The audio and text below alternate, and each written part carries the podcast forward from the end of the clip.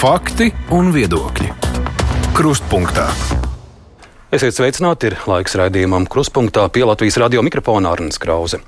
To, cik svarīga ir komunikācija ar sabiedrību notikumos, kuros iesaistīts liels ļaužu skaits, pierāda arī dziesmu svētki, daudz neskaidrību dalībniekiem par to, ko drīkst ienest pasākumu teritorijā. Un, diemžēl šis nevajadzīgais troksnis ap kotlešu maizēm un ūdens pudelēm dažbrīd aizēno svētkus, kuriem tūkstošiem cilvēku gatavojās piecu gadu garumā. Mēs šodien kruspunktā runāsim par valsts saziņu ar sabiedrību.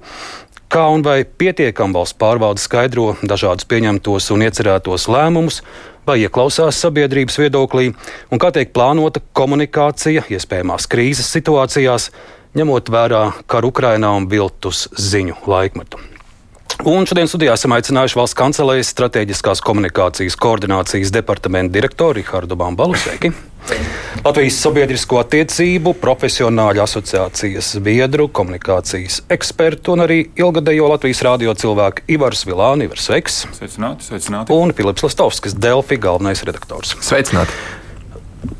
Kungi, es varbūt ar dziesmu sārkiem arī sākšu. Ir dziesmu sārka nedēļa, un, un tas varbūt mazāk jautājums uh, valsts kancelējas strateģiskās komunikācijas departamentam, bet uh, Filipam un Ivaram. Mm.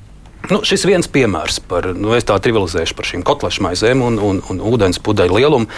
Man diezgan žēl, ka tas troksnis ap, ap to visu ir tik liels, jo tiešām ļaudis ir, ir svētkiem gatavojušies. Un, ja mēs esam pieredzējuši izcils koncerts un senioru koncerts un tā tālāk, bet, ja paskatās sevišķi sociālos tīklus, tad nu, nu, nu, viss tas skaļums ir ap, ap to, tām desmaizēm var ienest, nevar ienest. Un, un, un, un tie lielākie trauksmes cēlāji par tām desmaizēm, es tā skatos, pat ir tie, kuri paši nemaz tajos svētkos nepiedalās. Uh, Kādēļ tā ir noticis un, un, un ko te varēja darīt savādāk, Filips, tavs stats uz šo? Nu, no komunikācijas viedokļa. Jā. Nevis no pārtikas drošības.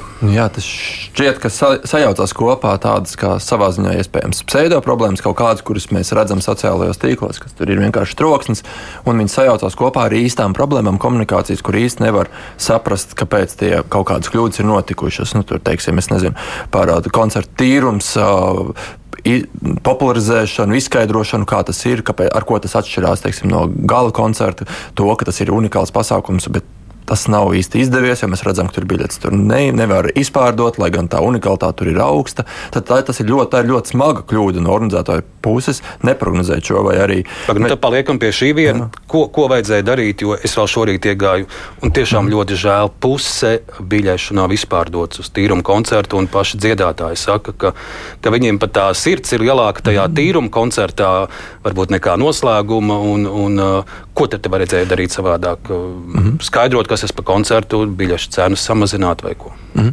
nu, es teikšu, pavisam praktisks piemērs. Organizatori mierīgi var atsūtīt uz Delfi savu viedokļu rakstu ar, ar, ar virsrakstu, ka tīrums ir teiksim, viens no jaudīgākajiem koncertiem, kas sekos, vai arī izsūtīt vairāk vizuāls materiāls par to, kā notiek gatavošanās tīrumam. Tātad tā ir tāda vienkārši tehniskā, varbūt no vienas puses komunikācija, un no otras puses arī uzsvari tādā plūstošā mēdīju intervijās, sarunās pieminēt, neaizmirst, izcelt.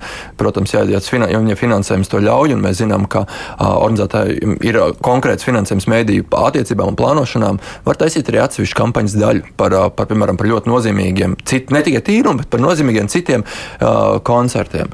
Tātad tur ir kaut kāds konkrēts pasākumu kopums. Bet tas, protams, nav vienīgais. Mēs zinām, ka Esplanādē un Vērmindārzā notiek visādi interesanti koncerti. Uh, Vai jūs zinat, teiksim, ka tur būs Skyforger, vai jūs zinat, ka tur būs uh, plējāda ar visādiem interesantiem tādiem muzikantiem, kas nebūtu teiksim, cilvēkam neienākt prātā, ka tas tur notiek īsti. Un bezmaksas. Un bezmaksas, bet mēs par to nezinām. Mēs zinām, ka tur ir kaut kāda ņemšanās par biļetēm, ņemšanās par kotletēm, un mēs zinām to, ka cilvēki paši dalībnieki ir ļoti priecīgi, ka viņi tur gatavi, nu, kā, tā kā tu teici, viņi gatavojas. Vai arī mēs, es atceros, ka, uh, nu, kad mums bija paziņojums, ka būs Braunam būs piemineklis to faktu, ka, tā, ka to brīvniekli arī tiešām atklāja. Es nezinu, zinājāt, ka viņš ir. Viņš, kā, kur tas tika pateikts, kā tas tika pateikts. Tam bija jābūt vienam, tas varēja kļūt par vienu no simboliskajiem elementiem. Pilnībā pazūd kaut kur.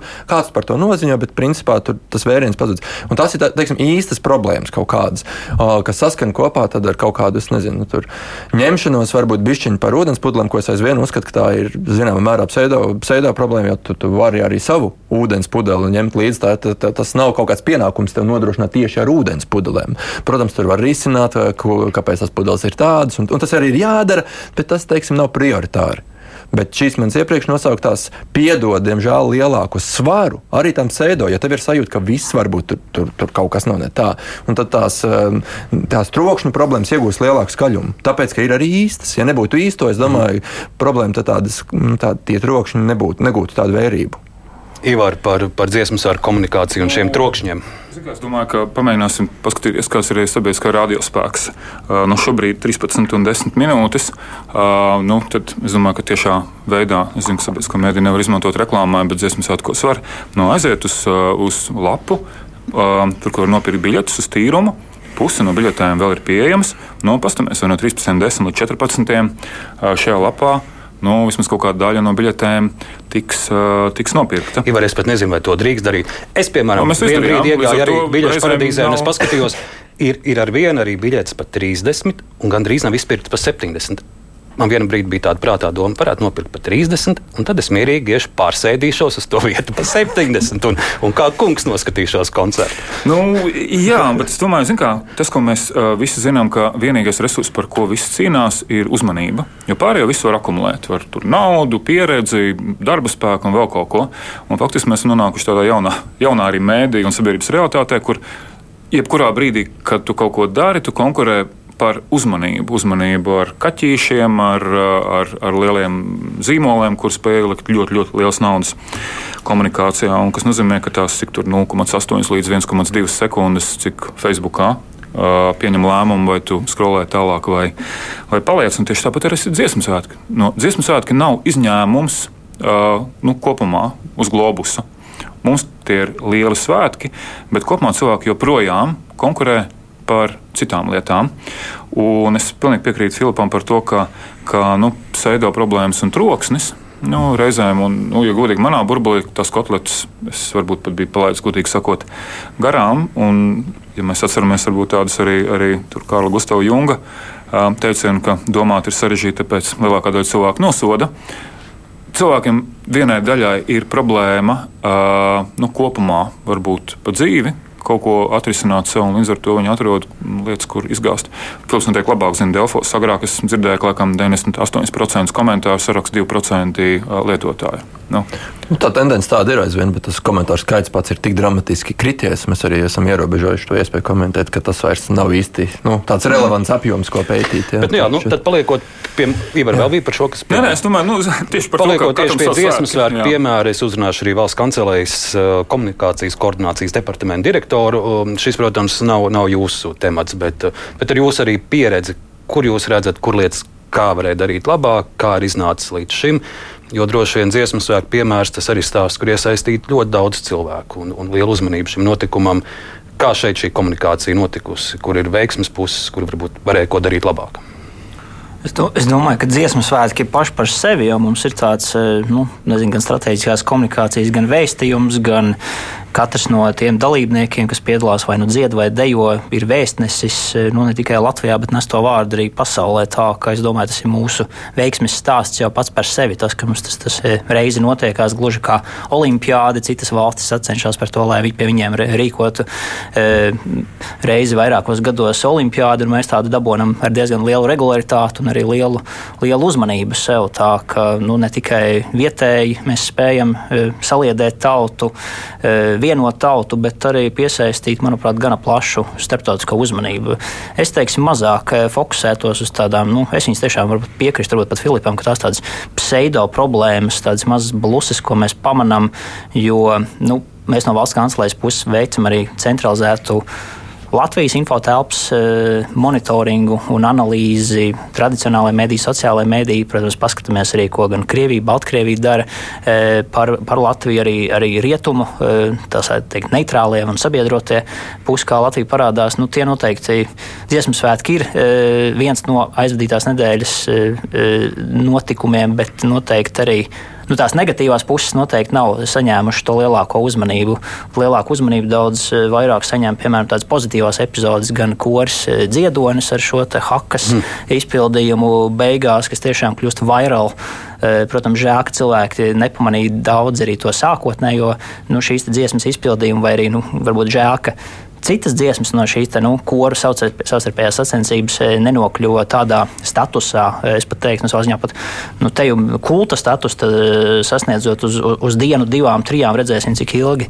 Arī ministra prezidenta dziedāšana Latvijas televīzijas tiešajā ēterā brīvi gana gari. E, neviens noteikti negaidīja. Negaidīja arī un... Lauris Reiniks, kurš tā kā joku pēc uzrunāja premjeru uz vienu pantiņu un, un tur aizgāja uz septiņiem pantiņiem. Precīzi, un, un teiksim, nu labi, protams, ir tās pudeles, ir vēl kaut kas, e, kas ir izskanējis tādā varbūt negatīvā ziņā, bet iepratīm, nu tā, ja skatāmies aizvadīto nedēļu, teiksim, no pirmdienas līdz pirmdienai, tās negatīvās ziņas dziesmas vai kontekstā viņas vispār ne viņas ir apspriestākās, ne viņas ir tās, ar kurām cilvēks vairāk dalītos.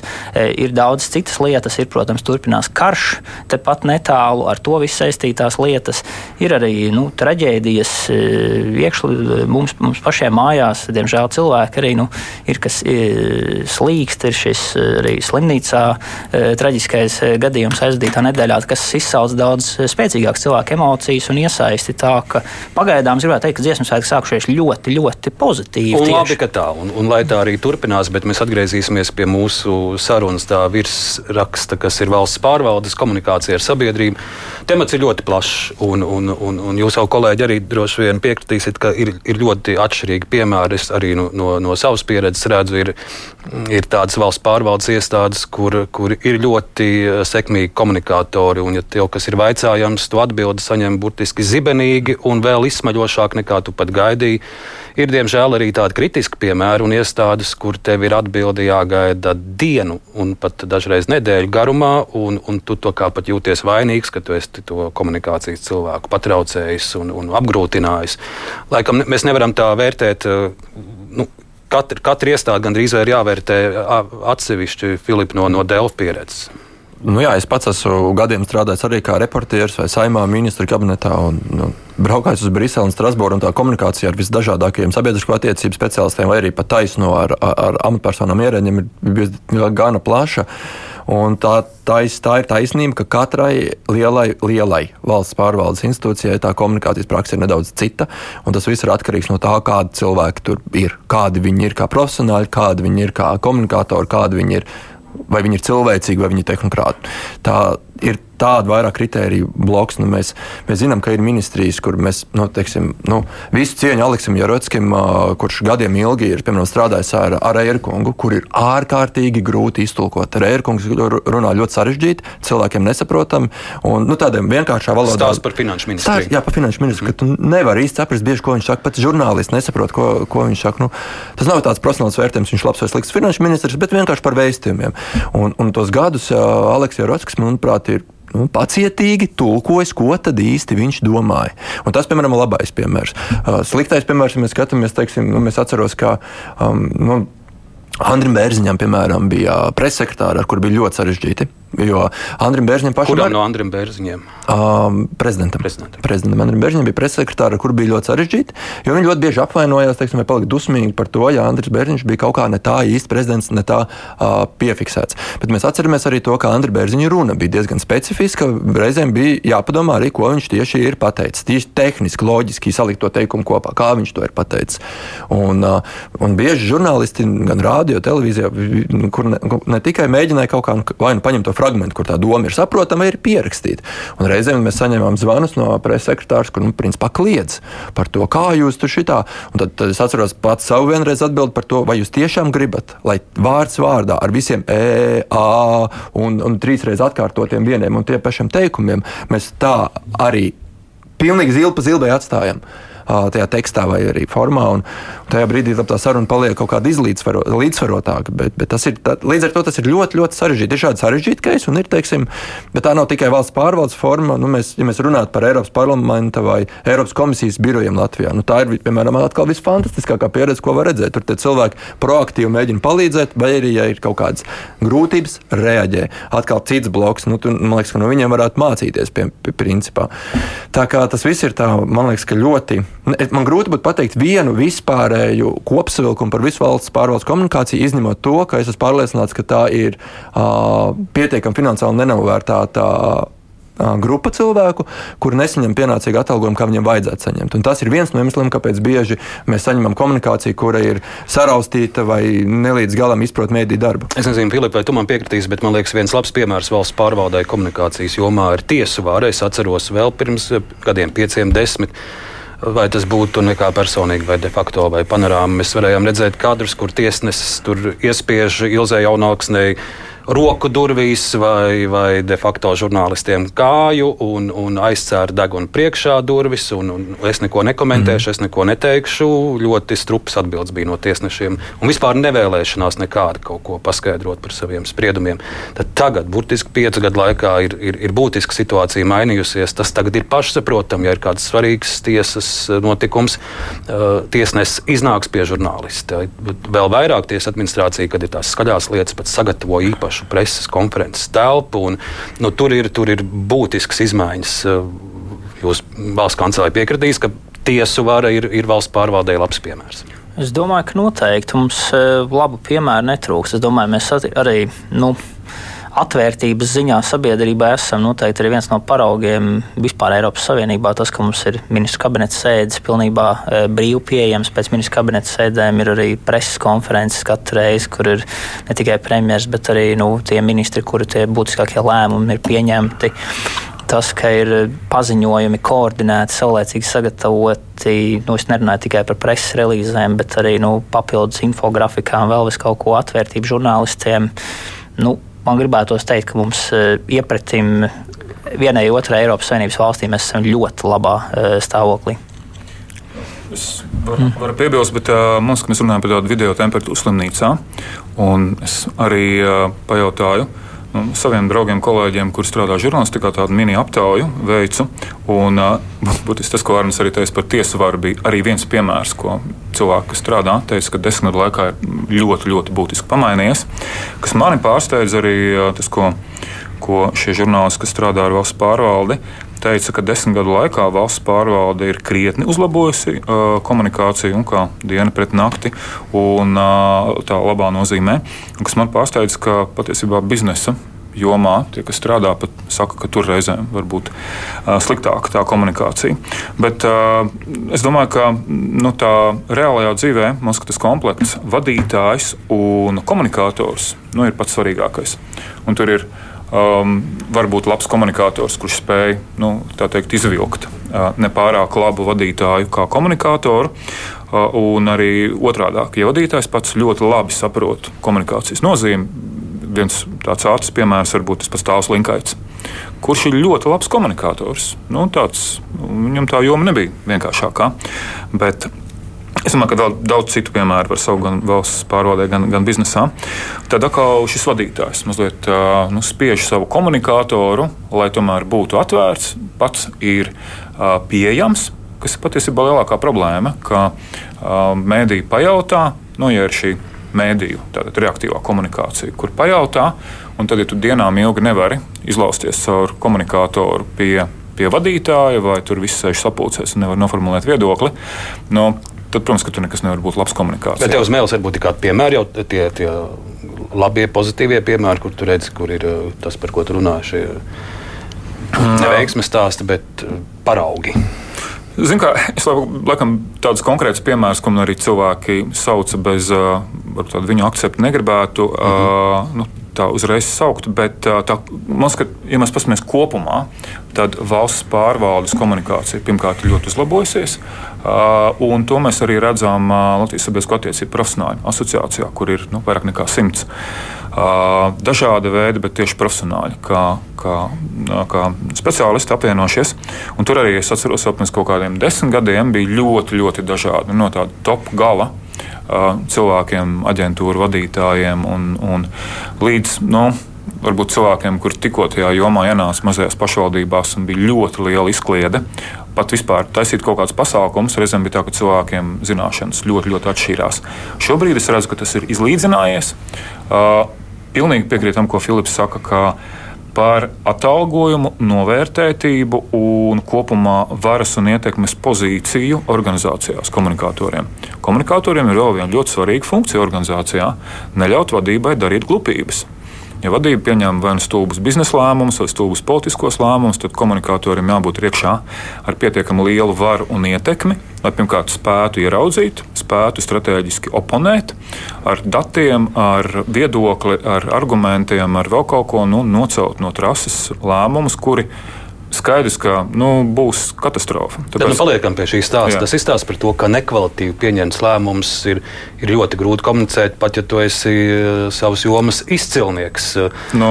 Nu, Valsts kancelēja noteikti arī ar šādiem gadījumiem saskars. Jums ir jums... Covid, man liekas, ka brīnišķīgākais piemērs par to, ka tu vari sataisīt stratēģiju. Es tagad Rihardu laukā iekāpu, bet nu, tādu mazu par, par Covid, kas man liekas, ir ļoti hrestomātisks piemērs. Mm. Kamēr komunikātori un profesionāļi mediķi komunicēja, tikmēr viss bija vairāk mazāk labi.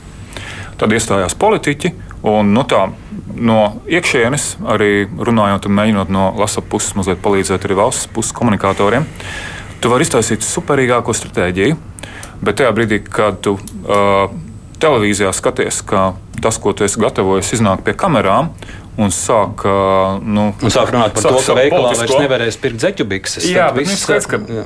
Ja puiši meitenes gatavojās vēlēšanām, tad nu, turpat komunikators ir bezspēcīgs pret tādu vēlmi. Jā, par tiem negatīvajiem piemēriem vai kritiku laikam man kā ierēdim neklā, neklātos kritizēt vienu vai otru esošu vai nu jau bijušu ministru vai amatpersonu, bet, bet jā, es pilnīgi piekrītu, Covid laiks rādīja gan, es gan domāju, Covid laiks parādīja gan tos labos piemērus, kas strādā, gan arī negatīvos, mm. jā ar komunikāciju. Tas mēs... sāksim ar negatīviem. Nu, jūs noteikti, protams, jūs esat analizējuši, vērtējuši, kāda bija Covid komunikācija. Kas ir tas, ko jūs sapratāt, ko, ko, ko ne, nevar vairs nedrīkst atkārtot? Es domāju, ka viens nevar atkārtot, novērtēt par zemu maldinošu informācijas un dezinformācijas nozīmi. Viņa var šķist sākotnējā acu uzmetienā smieklīga visi tie apgalvojumi par chlora dzeršanu, kā palīdzēšanu vai kā nu, covid noliekšanu pašā saknē un, un salīdzināšanu ar parastu augstnēšanos un vispārējo. Bet dezinformācijas, diemžēl, tā ļaunākā ir ietekme ir vidējā un ilgtermiņā. Diemžēl līdz tam brīdim, no 20. gada marta, kad visas šīs teorijas, dezinformācijas, konspirācijas parādījās, līdz brīdim, kad pilnā apmējumā bija pilnīgi pieejams vakcīnas, pusotru gadu vēlāk, ļoti daudz cilvēku bija tam noticējuši un bija par vēlu. Tā, tas ir e, īpaši, ja tas ir jauns apgalvojums, tad to ir vērts noteikti atspēkot. E, šobrīd arī, protams, priekšatspēkot, ja kaut ko var e, laicīgi paredzēt un tam sagatavoties. Otra lieta jau pieminētie politiskie lēmumi komunikatoram, nu, komunikators spēj e, amplificēt, e, pastiprināt, e, ja tur ir pārdomāta laba politika, viņš tiek iesaistīts no A līdz Z arī šīs politikas izstrādes procesā. Labs komunikators vienmēr pateiks, kā to padarīt vēl labāk, vēl pielāgotāku, saprotamāku konkrētajām mērķa auditorijām, nu, lai tas vēstījums aizietu. Diemžēl, ja komunikatoram ir vai sabiedriskā attiecību speciālistam ministrijās vai valsts pārvaldes institūcijās galvenā lieta, nu, es nesaku, ka tas ir visās institūcijās, bet ja viņam galvenā lieta katru dienu ir dzīties pakaļ informācijai, dzīties pakaļ lēmumiem, kas tad īsti tiks pielēmts vai kas tika pielēmts, un, un, un būt šajā tādā frustrācijā, un savukārt vadītājs iestādes nu, vai augsta līmeņa vai vidēja līmeņa principā ir frustrēt, frustrēts, e, neapmierināts par to, ka, à, kāpēc mana politika nesaprata, kāpēc mani pārprata, kāpēc vispār neaizgāja, kāpēc pēc tam mērķa autoriem nesaprot, nu, tad varbūt tās jums vajag kopā sarunāties kopā jau no sākta gala un, un iesaistīt un strādāt kā vienai komandai.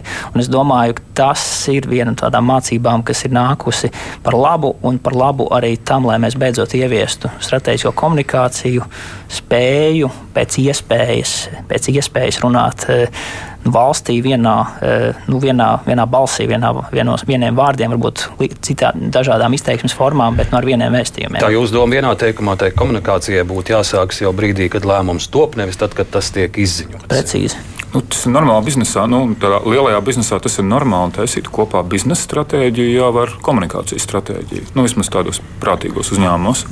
Jo ir ļoti, ļoti grūti nokomunicēt kaut ko tur, kur biznesa, kuram vienmēr ir Excel un cipariņi.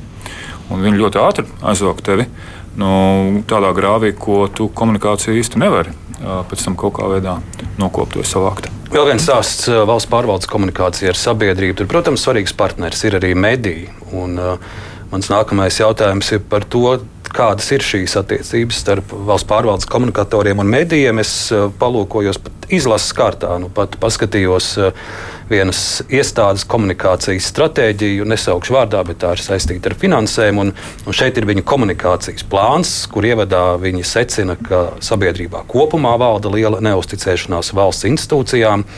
Un tālāk es teikšu, ka aiziet mēdīju kritika. Te ir uzskaitīts, ka mēdīji ziņās un rakstos izceļ konfliktus un problēmas, kas rada iespēju, ka valstī un sabiedrībā notiekošie procesi ir pārsvarā negatīvi. Mēdīji bieži informāciju pasniedz fragmentāri, ignorē plašāku kontekstu, dominē skaļi virsraksti, saturs tiražē maldīgus priekšstatus un subjektīvu skatījumu tāds skats no, no komunikatoriem uz, uz mēdījiem. Mm -hmm. Filip, kā ir ar skaļajiem virsrakstiem, mm -hmm. Delfos ar uh, kontekstu izraušanu? Kā, kā kas ir? Nu, lūk, uh, kas jums pateiks, man arī ir ko teikt, bet labā nozīmē. Lai, lai, lai skaidrs viens, es vienu piemēru minēšu, man bija saruna ar, ar, ar, ar tiesu administrāciju mm. šeit pārstāvjiem, un viņiem bija savā ziņā rūkums. Viņi bija darījuši labu darbu, iesaistījuši organizācijas cilvēkiem, kustību traucējumiem. Viņi bija izpētījuši tiesu iestādes, cik pieejams ir, ir, ir cilvēkiem ar invaliditāti. Un, un, un viņi to visu informāciju apkopoja un uzrakstīja preses relīzi. Un, un, un tajā preses ziņā bija fakts, ka 70% tiesu iestāžu ir, ir brīvi pieejams. Es varbūt kaut kur maldos cipros, mm. bet tā doma tāda - 70% ir brīvi pieejami cilvēkiem ar invaliditāti. Un viņiem bija rūkums, kad viņi pēc tam atver portālus mm. un izlasa, ka tur ir uzrakstīts, ka 30% tiesu iestāžu nav pieejamas. Un, un, un sanāk tā kā, tā kā negatīva ziņa, lai gan, lai gan viņa mērķis bija pilnīgi pretējs. Uh, vienkārši veikt apkopojumu un parādīt uh, to, to pozitīvo vēstu. Es teiktu, tā kā kopumā nacionālos, profesionālos mēdījos, uh, sabiedriskos un privātos, uh, lielākajos, kas ir, kur ir profesionāls redakcijas, tur ir ētikas kodeks un kur arī pēc būtības ir teiksim, arī reāli ētikas kodeks, nevis kaut kur aiz kastītē nostumt malā. Šādas aktuālas, akūtas problēmas nav. Cita lieta, protams, ir, ir tā, kas ir tās gaidas no šiem iestāžu komunikatoriem, ko viņi vēlās ar savu ziņojumu pateikt. Un tas, ko viņi vēlās pateikt, nevienmēr ta, ir tas, kas arī reāli ir relevantākais un būtiskākais, kas ir vispār sabiedrībai zināms. Reizēm ir tā, ka tie 30%, kur kaut kāds pakalpojums nav pieejams, ir būtiskāk nekā tie 70%, kurā ir. Jo tas ir, tā ir spēle ar statistiku, ko mēs, ko, protams, iestādes. Nu, Nu, es es ne, neteiktu, neteiktu, ka tur ir kaut kāda šāda praksa, ir, ka tur mēģina kaut kāds cipars pavērst labāk un vienmēr un tam līdzīgi, bet ir tādi nu, piemēri. Līdz ar to par šādām lietām vienkārši nevajag apvainoties, ir, eh, ir, ir kritiski jāizvērtē, kāda ir tā viņu īstā situācija. Un tad ir, eh, nu, prot, nu, tā, līdz ar to es gribu teikt, ka iestādes ļoti bieži sagaida, ka viņu vēstījums būs tieši tāds, kāds būs. Un, un bieži nav tā izpratne par to, ka mēdīji nav teiksim, kaut kādas preču relīžu pārpublicētāji. Un tikko netiek tur, šis teksts pārpublicēts tā, kā tas tieši ir viņa pusē domāts. Tā sākās šādas versijas, ka izrauj no konteksta. Bet patiesībā vienkārši šis vēstījums varbūt ir paslēpts citur, nevis tajā, kā komunikators ir domājis. Otra puse savukārt nedaudz aizstāvot arī valsts iestādes, jo man jau tur nav pienākums bezkritiski teikt, ka viņš žurnālists dara pareizi. Problēma atalgojuma ziņā un pieredzes ziņā nav tikai valsts pārvaldes komunikatoriem, tā ir arī žurnālistiem un mēdījiem. Žurnālistu atalgojums valstī ir ļoti zems. Un bieži ir arī cilvēki, kuriem tā ir maza pieredze, un kuriem ar mazu pieredzi nonāk liela atbildība priekšā, saziņā tiešā ar, ar, ar mēdījiem, ar valsts iestādēm, gan sabiedriskajos, gan privātajos mēdījos, es gribētu teikt. Un tad ir tā, ka ļoti bieži, nevis, nu es patiesībā teiktu, pat ļoti bieži valsts iestādes saņem vai reizēm saņem, saņem tādus jautājumus, kas varbūt arī neatiecās nemaz šo iestāžu kompetencē. Jo otrā pusē ir bijis žurnālists, varbūt, kurš pieredzes trūkuma dēļ nav spējis identificēt, ka šis jautājums nav viņa atbildības sfērā. Tas notiek tad, ja tev nav redaktora blakām. Nu, es nezinu, labi, es labošu, ne, tas nenotiek ļoti bieži, bet reizēm šādi gadījumi notiek. Un tad šāda kāda viena, divas pieredzes, vai nu, cik nu, viņas var būt, var veidot tādu priekšstatu cilvēkam, kurš raksta koncepciju. Mūsu nesaprot, izrauj no konteksta. Bet tā, tā ir tāda šo abu lietu kombinācija kopā, manuprāt.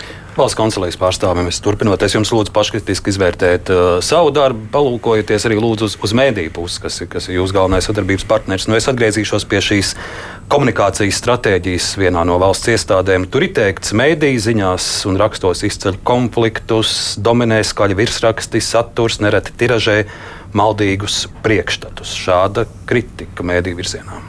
Es domāju, ka tā kopējā pieeja valsts pārvaldes komunikācijai Nav, nav, nav tādas vidējās temperatūras slimnīcas, atcaucoties uz kolēģi šo salīdzinājumu. E, atšķirās ļoti no iestādes uz iestādi. Gan, gan tas ir atalgojums, gan vispār arī pieeja attiecībām, kādas tieši ir starp komunikatoru un mēdījiem Šajā gadījumā konkrētajā, varbūt jūs nosauktajā, ir skatās uz iespējams uz, iespējams uz mēdīju ar kaut kādām nu, aizdomām, šaubām, eh, nav tā uzticēšanās, varbūt tās tik laba. Eh, es no savas puses eh, tieši pretēji pieejas, es vienmēr esmu redzējis mēdījus un žurnālistus kā sabiedrotos, vai tie būtu sabiedrotie mm, cīņā par to, lai mūsu valsts eh, narratīvu, vēstījumu eh, izplatītu, vai tas būtu pretoties eh, Krievijas, Baltkrievijas, citu autoritāru režīmu dezinformācijai, potenciālām ietekmes operācijām pie mums, vai tas būtu krīzes situācijā pašsaprotam, līdz ko mums nedodas būt šī slavenā X stunda, tad e, visi zina, ka ir jāieslēdz tieši tā Latvijas radio, Latvijas televīzija, e, sabiedriskie mēdīji konkrēti, noteikti arī komercmediji pieslēgtos, gribētos cerēt un, un būt tā sazoba no pirmās minūtes jau. Tā ka mēs skatāmies drīzāk uz mēdījiem kā sabiedrotajiem un, un, un diezgan atvērti tam. Un to mēs esam ielikuši arī mūsu kopējā valsts e, koncepcijā, strateģiskajā komunikācijā, informatīvās telpas drošībai nākamajiem pieciem gadiem, kur mēs redzam, ka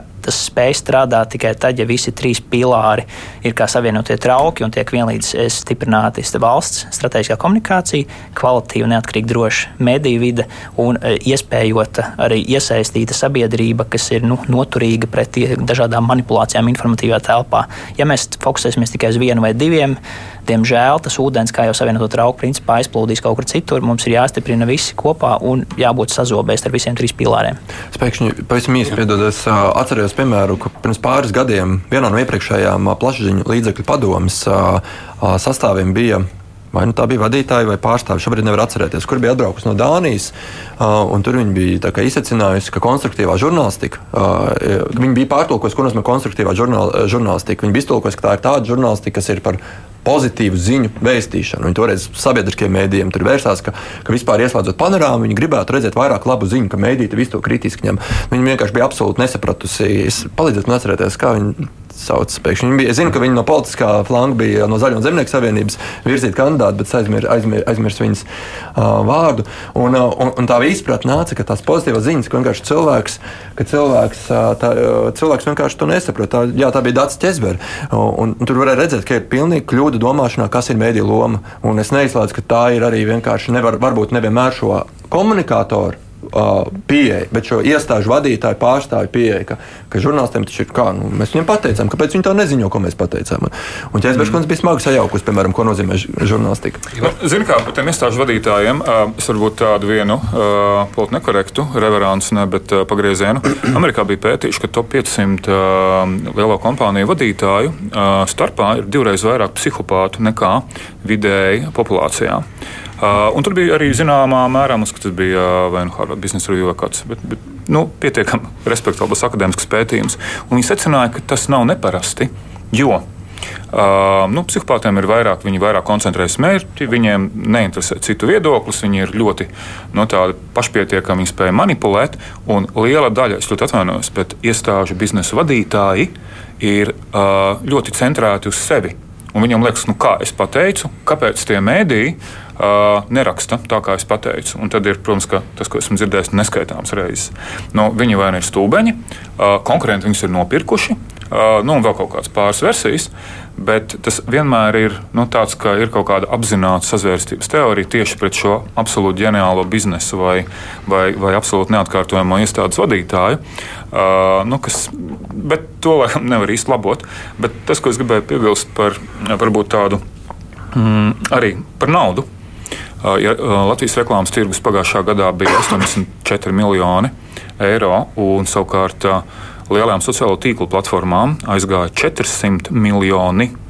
Uh, labi, tur paņemot no apmēram pusi, cik iziet caur Latvijas reklāmas aģentūrām, bet tik un tā tas ir reizes divi pret Latvijas visu reklāmas tirgu. Un, protams, ka reklāmas tirgus lielā mērā ir mēdīju tirgus. Uh, un man liekas, un kas man bija pārsteigums, runājot arī, un, un jautājums, vai Filips arī to tāpat jūt, runājot ar uh, mēdīju cilvēkiem, um, cilvēki saka, ka portālu aiziešana aiz abonēšanas sienām ir labi, jo faktiski mēdī atgriežas tajā uh, stāvoklī, kāds viņš bija nu, drukāto mēdīju abonēšanas laikā. Principā tas, ko mēdījis pārdod, viņš pārdod uz gadu savu reputāciju. Tu, tu kaut kādā mērā garantē, ka tās tavas ziņas būs. Un vēl ļoti svarīgi, ka, ko es gribēju pateikt, ka mēdīja līdz ar to portālu atbrīvojas no laikam, lielās sārgas klikreita modeļa. Un tajā brīdī, kad atbrīvos no klikrēta modeļa, tad skaļie virsraksti. Skaļie virsraksti tev vairs nav. Tur arī es zinu, ka tur vairāk lasa. Un... Mums ir 5 minūtes, jā. un es vēl divus tematus vēlos uzrunāt. Viens ir, kā komunikācijā iesaistīt arī gados jaunus cilvēkus, lai viņi ir zinoši par to, kas notiek valstī, par to, kāda lēmuma tiek pieņemti valdībā. Jo, ja es paraugos televīzijas reitingus, un es pieļauju, ka, ka, ka radio varētu būt līdzīgi ļaudis vecuma grupā 18, 25. Eh, tikpat kā vispār nepatērē ziņas. Es, es vēl gribu cerēt, ka viņi varbūt lasa viņas portālos vai TikTokos kaut ko pamana, bet klasiskais veids, kā mēs esam pieraduši tur vakarā, panorāma 8 vai, vai, vai TV3 ziņas vai kurš cits veids. Gados jauni cilvēki ziņas vairs neskatās, un, un tur ir bažas, cik vispār viņi ir informēti un zinoši par to, kas notiek valstī, cik uh, viņus ietekmē dažādas viltus ziņas, ko viņi saskatās TikTokos. Vai ir domāts no valsts pārvaldes puses, kā, kā uzrunāt uh, jauniešus, lai viņi zinātu, kas notiek valstī. Jā, jaunieši kā reiz ir viena no trijām prioritārajām mērķa auditorijām, e, domājot par šo Latvijas stāstu, Latvijas narratīvu, uz kuru mēs plānojam fokusēties tuvākajos 5, 6, 7 gadu periodā.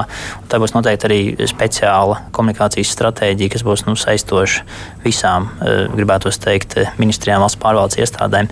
Ir konkrēts idejas, ieceres, protams, eh, skatāmies to pašu mediju patēriņu, jūs jau piesāktos skaitļus, jā, tas ir TikToks, bet nu, atgādināšu arī, ka TikTok mēs skatāmies valsts pārvaldē ar gan eh, lielām eh, bažām, līdzīgi arī uz Telegramu, kā diviem kanāliem, kur ir auguši popularitātē, bet, diemžēl, nu, nu, nebūtu iespējams tie labākie lietojumie. Bet jā, Facebook, YouTube kanāli, podkāsti. Nu, te arī klausītājs mums raksta, ka viņš lūdz valsts pārvaldē tā kritiski raudzīties arī uz Twitter, ņemot vērā nesamās izmaiņas. Un, un uh, maska tādus prokrieviskus narratīvus, ka arī Twitter vairs nav tāds, kā Absol bija. Absolūti piekrīt mums, kā uh, kontaktpunktam valsts pārvaldē ar visām šīm platformām strādājot, mēs ļoti bažīgi skatāmies uz Twitter un to, vai viņi spēs arī ievērot e, to, ko digitālais pakalpojumu akts Eiropas Savienības šis jaunais regulējums no viņiem pieprasīs. Vēl viens īsts stāsts arī jūs kā eksperta viedoklis dzirdēt par dažādām viltus ziņām. Nu, es pats esmu nesen saskāries ar vienu viltus ziņu, kur, kur uztaisīts bija Facebookā tāds bilde, ka es esmu no ziņu studijas izdzinis profesoru kardiologu Andrēju Ērglu, jo viņš lūk gribējis atklāt patiesību par, par tur vienām zālēm, es neko nereklamēšu, bet vienmēr sakot, un es, es tam nepievērsu uzmanību, domāju, tas kaut kāds joks. Un man sāk Facebookā rakstīt cilvēki, kurus es pazīstu, kur ir ar izglītībām, kur ir skolotāji, ārni, kā tu izdzīvināji profesoru ārā no studijas. Un tā es sapratu ārprāts, kas notiek, ka tiešām ļaudis uzķerās uz kā man liekas, nu, uz neticamiem stāstiem. Bet tas ir tikai sākums. Būs vēl sliktāk. Nu, būs vēl sliktāk. Būs vēl sliktāk. Mm. Nu, kā, nu, pasieties, kas notiek ar, ar, ar visiem mākslīgiem intelektiem. Dalī, midžurnē, video, tam līdzīgi. Līdz ar to man liekas, tā ir fundamentāla izmaiņa, ka ziņas ticamības pārbaude pārvirzīsies nevis no ziņas, bet pārvirzīsies uz avotu, kas man liekas, ir fundamentāli. Jo es domāju, ka divi, trīs gadi, mēs vispār nevarēsim ticēt tam, ko mēs redzam, jo būs pilnīgi, absolūti realistisks kvalitātes video ar absolūti neticamām lietām. Un tajā brīdī tev būs svarīgi, ka tu ieej, piemēram, nu, LSM vai BBC lapā un saproti, vai tiešām tur, nezinu, Amerikas prezidents ir pieteicis karu Somālijai vai, vai, vai vēl kaut kas tāds. Būs pasaule arvien haotiskāka un arvien neparedzējamāka, un ar to ka ir, ir jābūt. Jā, nu, mums pirmkārt ir jāsaprot, ka daudz žurnālisti un redaktori pieredzējuši, kas arī strādājuši 90. gada sākumā, sākotnēji ļoti skeptiski izturējās pret faktu pārbaudas žanru žurnālistikā. Realtātē tas šobrīd ir žanrs, bet jūs nevarat iztēloties, cik daudz dzirdēju no pieredzējušiem žurnālistiem, kas ir strādājuši pat arī no 90. gada sākumā. Nu, ko jūs tur māžojaties? Žurnālistika taču ietver faktu pārbaudi. Nu, taču, on, kā, ko es te ķēpiņām? Tā, mēs esam nonākuši līdz brīdim, kurā tas ir žanrs, kurā tas Latvijā ir vairākos mēdījos jau ir, ir, ir fakts ir notiek. Tas, man liekas, ir, ir labi, un ka mēs varam šādus ārņu krauzes un kardiologu keisus aprakstīt, un tas ir jāapraksta. To nedrīkst uzskatīt par maz, pārāk mazu troksni. Es mazāk uztrauktos par artificial intelligence šobrīd lomu, jo mēs esam redzējuši, ka vismaz Eiropas Savienībā un arī Amerikas Savienotajās valstīs mums ir regulējoši mehānismi, kā kaut kādu daļu uh, ierobežot ar šo pakalpojumu. Protams, pilnībā nē, un būs arī slikti, bet uh, es domāju, ka Delfos cilvēki varēs nākt un redzēt patiesu informāciju arī turpmāk, vai LSMā, ja viņi gribēs, nu, vai citur. Un mēs cenšamies, lai patiesa informācija skan arī mūsu brīvajā mikrofonā, brīvais mikrofons. Tūlīt, tūlīt arī Latvijas rādio ēterā, bet, kungi, es jums saku lielu paldies par šodienas sarunu. Valsts kancelējas strateģiskās komunikācijas koordinācijas departamenta direktors Rihards Bambals, Latvijas sabiedrisko attiecību profesionāļu asociācijas biedrs, komunikācijas eksperts Ivars Vilāns un Delfī galvenais redaktors Filips Lastovskis. Paldies jums, klausītāji! Tūlīt pieslēdzam Latvijas rādio brīvo mikrofonu.